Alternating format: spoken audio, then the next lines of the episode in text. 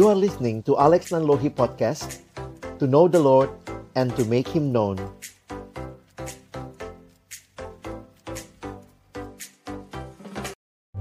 Mari tunduk kepala kita berdoa di hadapan Tuhan sebelum membaca merenungkan firman-Nya. Bapa di dalam surga kami akan membuka firman-Mu, bukalah juga hati kami. Jadikanlah hati kami seperti tanah yang baik. Supaya ketika benih firman Tuhan ditaburkan. Boleh sungguh-sungguh berakar, bertumbuh dan juga berbuah nyata di dalam hidup kami. Ya, Berkati hambamu yang menyampaikan, yang menerjemahkan dan setiap kami yang mendengar. Tolonglah kami pada akhirnya bukan hanya menjadi pendengar-pendengar firman yang setia, tapi menjadi pelaku-pelaku firman-Mu dalam hidup kami.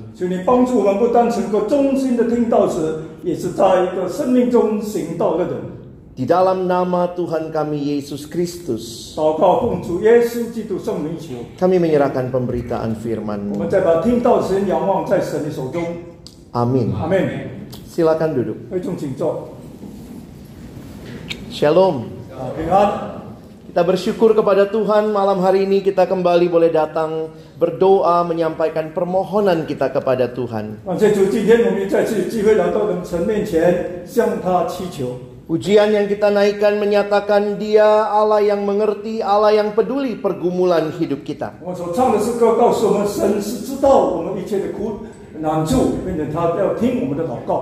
Tetapi pergumulan hidup seringkali tidak mudah. Seringkali apa yang kita hadapi kita berkata dan bertanya mengapa Tuhan ini terjadi. Tapi kembali firman Tuhan menghibur kita Allah kita Allah yang mengerti dan peduli.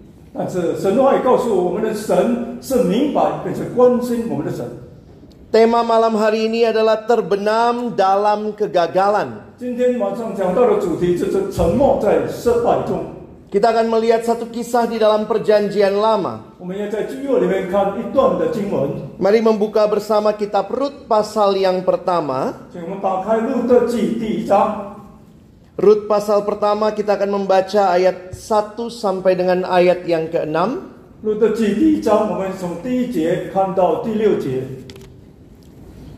Kita akan baca terlebih dahulu di dalam bahasa Indonesia ayat 1 sampai dengan ayat yang ke-6.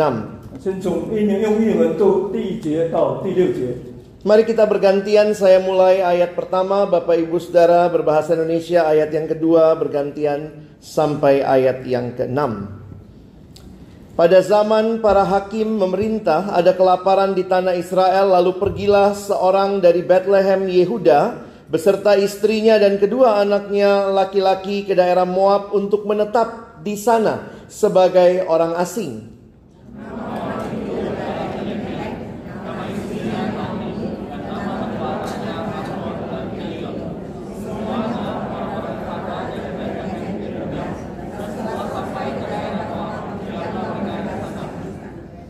Kemudian matilah Elimelek, suami Naomi, sehingga perempuan itu tertinggal dengan kedua anaknya.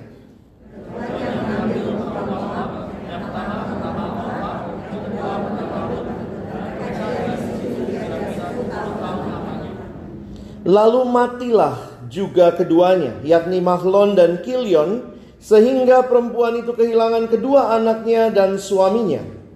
Kemudian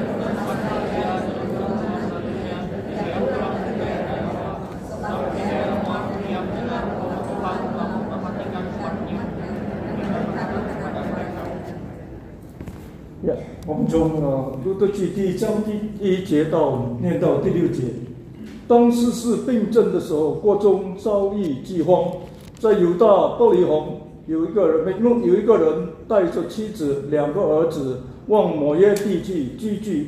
这人名叫以利米勒，他妻名叫拉阿米，有两个儿子，一个名叫马伦，一个叫基连，都是犹大伯利恒以巴大人。他们到了摩亚地，就住在那里。后来，拿俄米的丈夫以利米勒死了，剩下妇人和两个儿子。这两个儿子娶了摩亚地女子为妻，一个名叫二八，一个名叫路德，在那里住了又个年。马伦和基连两人也死了，剩下拿阿米没有丈夫，也没有儿子。他就有两个儿子起身，要从摩押地归回，因为他在摩押地听见有法眷顾自己的百姓，赐粮食给他们。Saudara yang dikasihi Tuhan, apa yang dialami oleh Naomi adalah satu hal yang membuat dia tentunya sangat kecewa.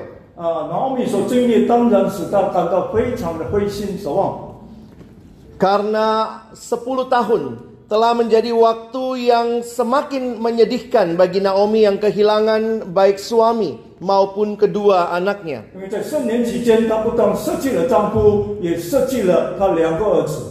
Saudara ketika membaca kitab Rut mungkin kita bertanya mengapa ada di Alkitab kita kitab ini.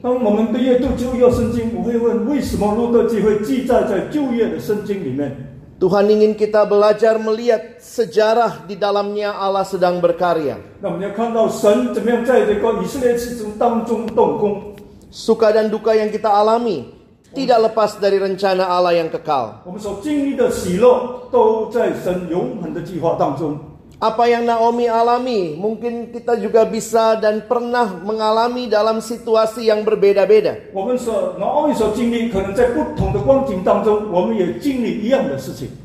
Saudara perhatikan apa respon Naomi ketika dia melihat kesedihan, pergumulan yang dia alami.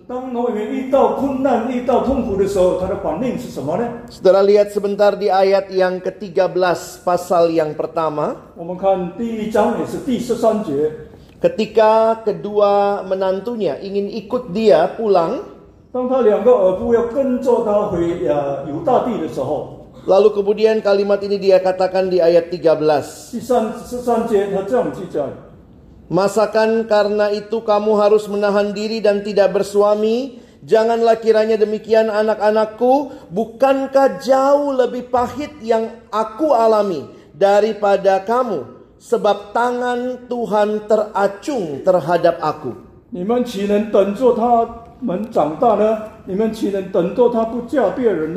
我女儿啦，你们不要这样！我为你们的缘故，事事愁苦，因为耶和华伸手攻击我。Bayangkan kalimat itu sebab tangan Tuhan teracung terhadap aku。我得神有我的手伸手攻击我。Seringkali ketika kita mengalami pergumulan hidup mungkin juga kita bertanya seperti Naomi. Kenapa saya ya Tuhan? Kenapa engkau tanganmu sedang menekan aku? Dan seringkali dalam situasi seperti itu orang membandingkan diri dengan yang lain. Lihat apa yang Naomi katakan, bukankah jauh lebih pahit yang aku alami daripada kamu menantu-menantunya.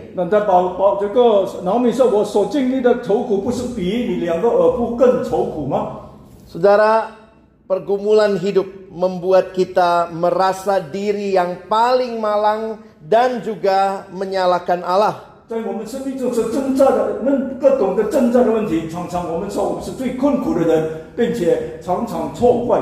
Naomi tenggelam di dalam kegagalan. Naomi dan tidak mudah tentunya ketika akhirnya salah satu menantunya yaitu Ruth ikut pulang 但是更不容易。当他起这个耳目跟着，就是路的跟着他回。Saudara lihat ayat yang ke-18 pasal pertama. Ketika Naomi melihat bahwa Ruth berkeras untuk ikut bersama-sama dengan dia, berhentilah ia berkata-kata kepadanya.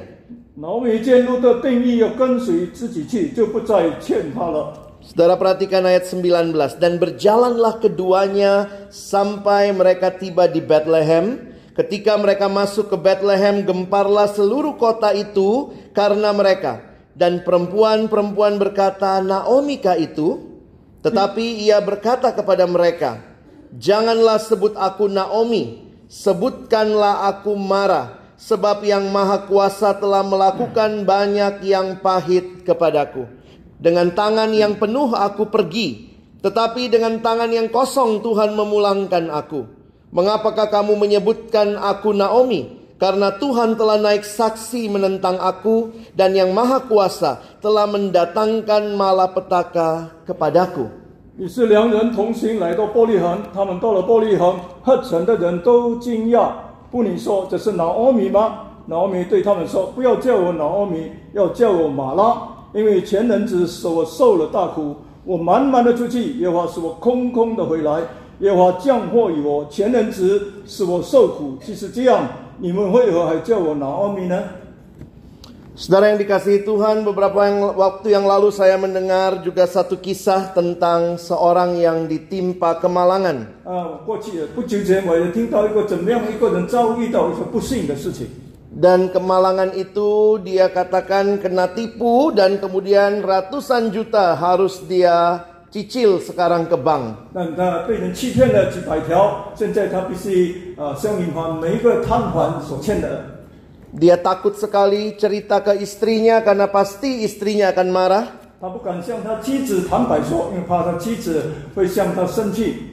Dia bilang kepada saya, Kak Alex, kalau saya cerita mungkin istri saya akan tinggalkan saya dan bawa anak-anak pergi.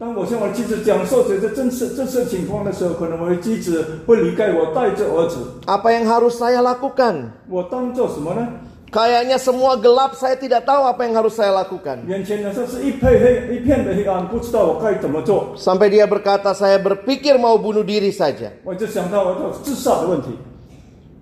Tapi saudara yang dikasihi Tuhan, di tengah pergumulan ingatlah selalu bersandar kepada Tuhan.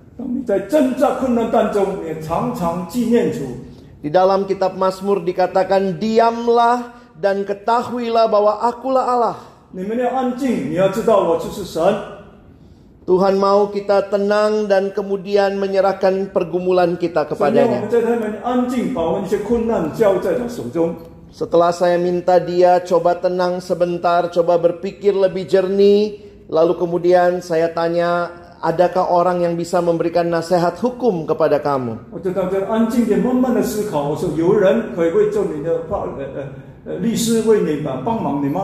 Karena pergumulannya tidak mudah, orang-orang yang debt collector itu sudah datang tiap hari ke rumah atau ke kantor untuk minta bayar hutang.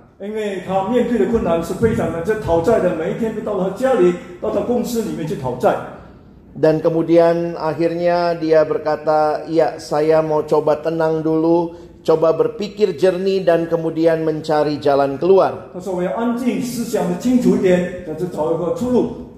Saya memperkenalkan dengan satu teman di bidang hukum dan saya bilang coba kontak minta nasihat hukum apa yang bisa kamu lakukan? Sampai hari ini saya juga masih mengirimkan kepada dia ayat-ayat yang menguatkan dia. Saya harus katakan memang tidak mudah dalam pergumulan yang berat seperti ini. Tetapi selalu ada harapan ketika kita bersandar kepada Tuhan. Memang tidak selamanya masalah yang kita hadapi langsung selesai. Seringkali Tuhan tidak mengubah keadaan di sekitar kita, tapi Tuhan mengubah kita menghadapi keadaan itu.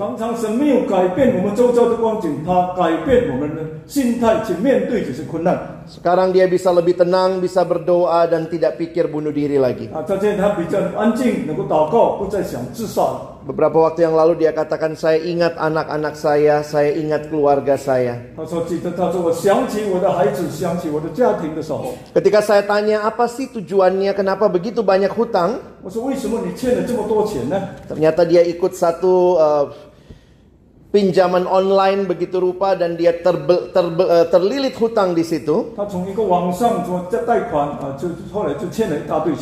dan kalimat yang dia katakan kepada saya menarik saudara. Eh, saya pingin kaya kak.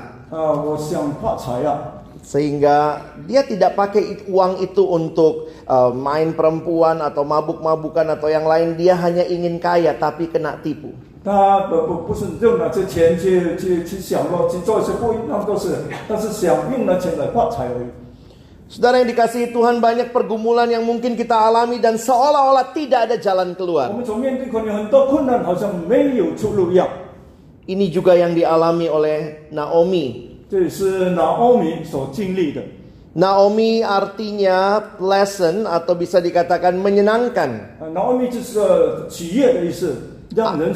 Arti namanya menyenangkan. Tetapi ketika dia mengalami pergumulan dia bilang ganti panggil aku sekarang Mara. Mara artinya pahit.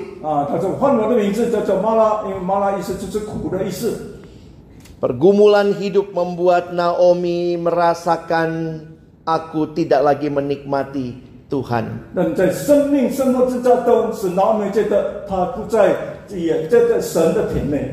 Tapi kalau saudara lihat cerita kitab Rut sampai pasal yang keempat.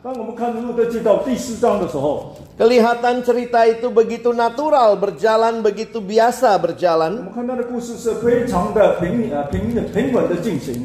Tapi saya ingin malam ini kita ingat dua hal waktu belajar kisah tentang Naomi ini. Oh, saya Naomi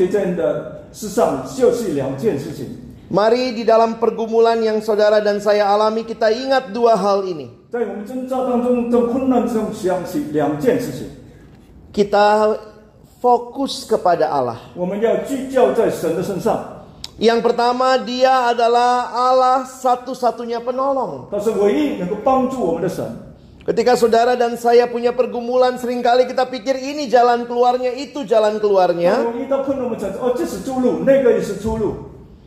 Tetapi hanya Tuhanlah satu-satunya penolong yang sejati. Ya, Mungkin ini bukan hal yang baru bagi kita, tapi Tuhan ingatkan malam ini sekali lagi.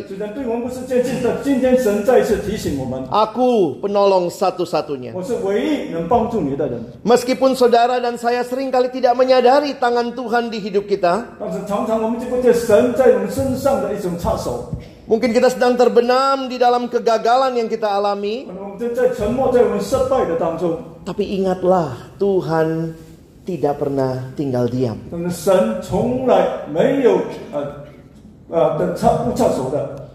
Tuhan hadir di dalam kehidupan kita. Naomi sangat fokus sama dirinya. Orang kalau lagi alami masalah kegagalan sangat fokus pada diri. Sampai dia bilang aku pulang dengan tangan kosong.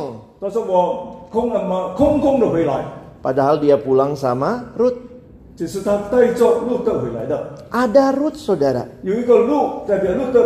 Kadang-kadang kita pikir Tuhan tidak ada lagi penolong buat saya. Ketika kita memandang kepada Tuhan, maka Tuhan menolong kita melihat situasi lebih jelas. Kalau saudara lihat kisah di dalam kitab Rut ini. Tuhan hadir dan menolong Naomi. 神灵各在当中帮助 Naomi。Tuhan hadir melalui pertolongan lewat Ruth. lewat Boas yang menebus. Dan akhirnya nanti dengan anaknya Ruth ah, yaitu Obed. Tuhan kirimkan terus pertolongan yang mungkin tidak kita sadari.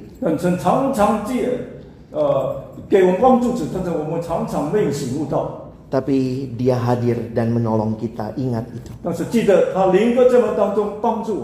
Fokus kepada Tuhan. Dan lihatlah di sekelilingmu betapa Tuhan sudah menyatakan tangan kasihnya melalui berbagai hal. Saya ingat lagu itu. Engkau yang bertindak memberi pertolongan. kadang kadang kita tertutup melihat Tuhan karena kita lihat kepada pergumulan yang besar. Mari dalam pergumulan hidup kita ingat Tuhan adalah penolong. Yang kedua, saudara yang harus kita ingat Tuhan adalah Tuhan atas sejarah. Cerita Allah dalam hidup saudara dan saya belum selesai. Allah kita adalah Allah yang membawa kita di dalam ceritanya. Kadang-kadang kita berpikirnya terbalik. Kadang kita pikir ini cerita saya, lalu libatkan Allah. Tapi kalau kita kembali melihat bahwa ini sebenarnya adalah ceritanya Allah, Allah libatkan kita.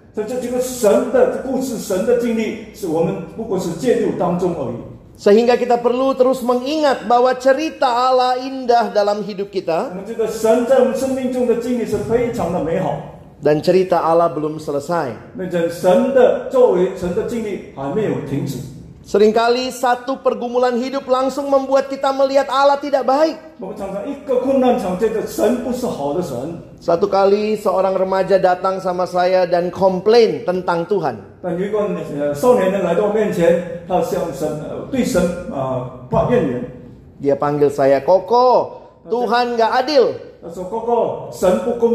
Tuhan gak baik sama saya. Seorang remaja putri. Saya eh, eh, bilang kenapa? Dia putus pacar. Oh, ya, saya bilang kau umur berapa? 15 tahun kok. Saya bilang 15 tahun. Dari kau umur 0 sampai 14 tahun, Tuhan baik atau tidak? Eh, Sekarang umur 15, satu kejadian, kau putus pacar, langsung kau bilang Tuhan tidak baik. Hati-hati, jangan lupa Tuhan hadir dalam hidupmu. 真的，灵个在你生命当中。Naomi kecewa. Dia bilang, Tuhan sedang mengacungkan tangannya kepadaku. Ganti namaku. Tuhan tidak baik sama aku. Tapi cerita Tuhan belum selesai. Tuhan bekerja begitu luar biasa. Memang kalau Bapak Ibu lihat di bagian akhir menarik sekali ya. Apa pengakuannya orang-orang di sekitar Naomi. Coba saudara lihat pasal Rut pasal 4. Dan kita baca ayat 15 dan sampai 17. Oh maaf ya, ini dari 14, 14 sampai 17. Saya baca bagi kita. Sebab itu perempuan-perempuan berkata kepada Naomi, Terpujilah Tuhan yang rela menolong engkau pada hari ini dengan seorang penebus. Itu Boas ya, saudara dikasih penebus. Termasyurlah kiranya nama anak itu di Israel. Dan dialah yang akan menyegarkan jiwamu dan memelihara engkau pada waktu rambutmu telah putih. Sebab menantumu yang mengasihi engkau telah melahirkannya. Lihat keterangannya perempuan yang lebih berharga bagimu dari tujuh anak laki-laki. Dan Naomi hmm. mengambil anak itu serta meletakkan pada pangkuannya dan dialah yang mengasuhnya. Dan tetangga-tetangga perempuan memberi nama kepada anak itu. Katanya, pada Naomi telah lahir seorang anak laki-laki. Lalu mereka menyebutkan namanya Obed. Dialah ayah Isai, ayah Daud. Hmm. 妇女们对拿奥米说：“耶和华是应当称颂的，因为今日没有撇下你，是你武则亲的亲叔，愿这孩子在以色列当中的名声，他必提起你的精神，弘养你的老，因为是爱慕你的老夫所生的。有了这老夫，有七个儿子还好。拿奥米就把孩子抱在怀中，做他的养母。领事的妇人说：拿奥米的孩子，就给他孩子起名叫做奥贝德。” Kalau saudara perhatikan Allah merajut kisah Naomi dengan indah. Naomi lalu kemudian kita lihat ada Boas, ada Obed, ternyata itu adalah leluhurnya Daud.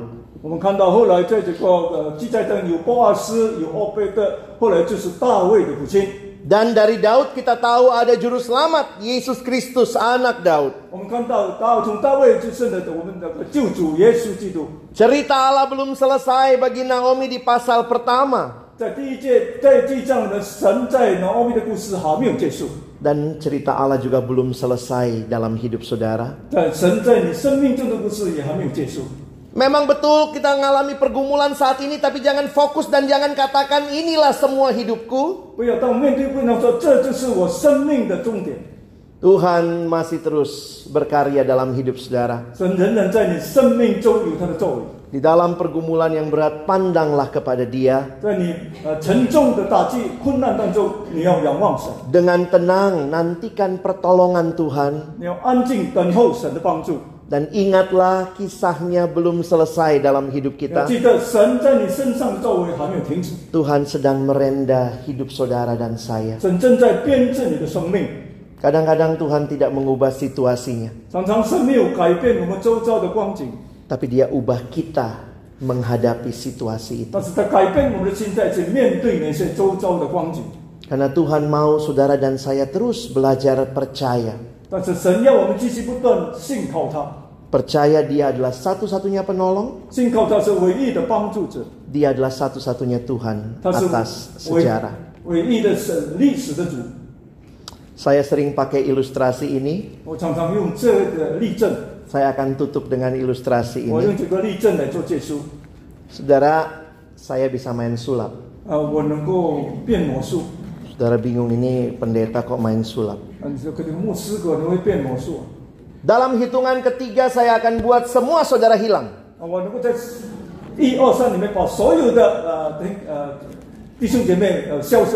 Siap ya? ya? Yang datang sama suami istri pegang tangan baik-baik. Ah, ya, hitungan ketiga semua hilang. Siap? Ya, Satu. Eh. Dua. Oh. Jangan terlalu tegang. Ah, Satu, dua, tiga. Semua hilang. Ah, ini seringkali pergumulan kita. Kalau dalam hidup kita fokus sama masalah kita yang besar. Jangan heran kita tanya di mana Tuhan, di mana Tuhan. Karena kita fokusnya sama masalah kita yang begitu besar tenggelam dalam masalah. Namun ketika saudara dan saya fokus kepada Tuhan yang besar, ada masalah? Ada ya, jangan bilang nggak ada ya. Ada ya, tapi tapi kecil. Allahku lebih besar dari masalah. Jangan tenggelam dalam masalah.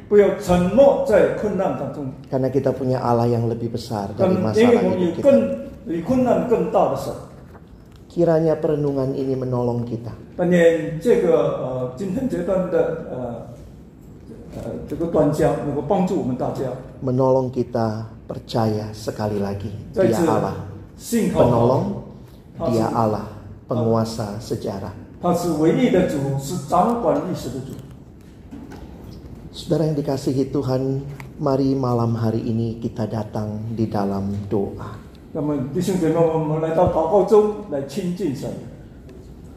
Saya mengajak kita secara pribadi datang kepada Tuhan. Jika saudara bisa berlutut, mari kita berlutut. Kalau tidak, bisa tetap duduk. Dengan sikap hormat tunduk di hadapan Tuhan. Eh, biarlah Tuhan sekali lagi menyegarkan iman kita. Oh, biarlah Tuhan kembali membentuk ulang tujuan hidup kita. Dan biarlah kehadirannya memberikan istirahat bagi hati kita.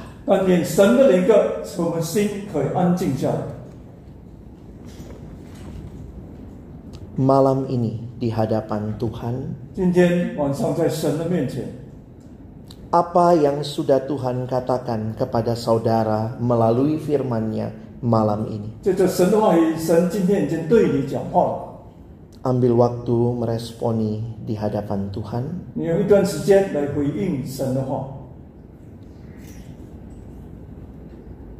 Dan yang kedua, Adakah hal yang saudara ingin katakan kepada Tuhan? Mari sampaikan di dalam doa kita. Kita ambil waktu tenang ini untuk meresponi Tuhan.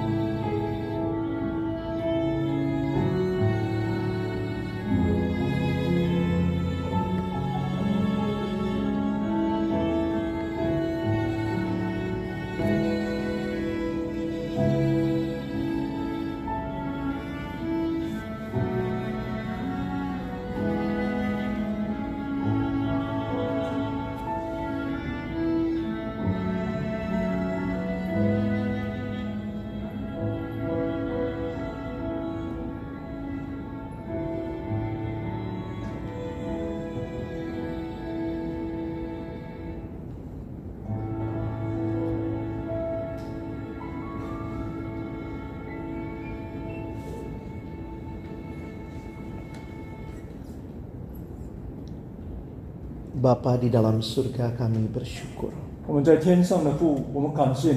Engkau hadir di dalam setiap pergumulan hidup. Engkau tidak meninggalkan kami. Kau mendengar seluruh seruan hati kami. Biarlah kami terus berserah, bersandar kepadamu. 让我们一切交托 di dalam satu nama yang kudus. Nama Tuhan kami Yesus Kristus. satu satunya penolong. Tuhan yang berkuasa atas sejarah. Kami sudah berdoa. Kami sudah bersyukur. Amin. Silakan duduk.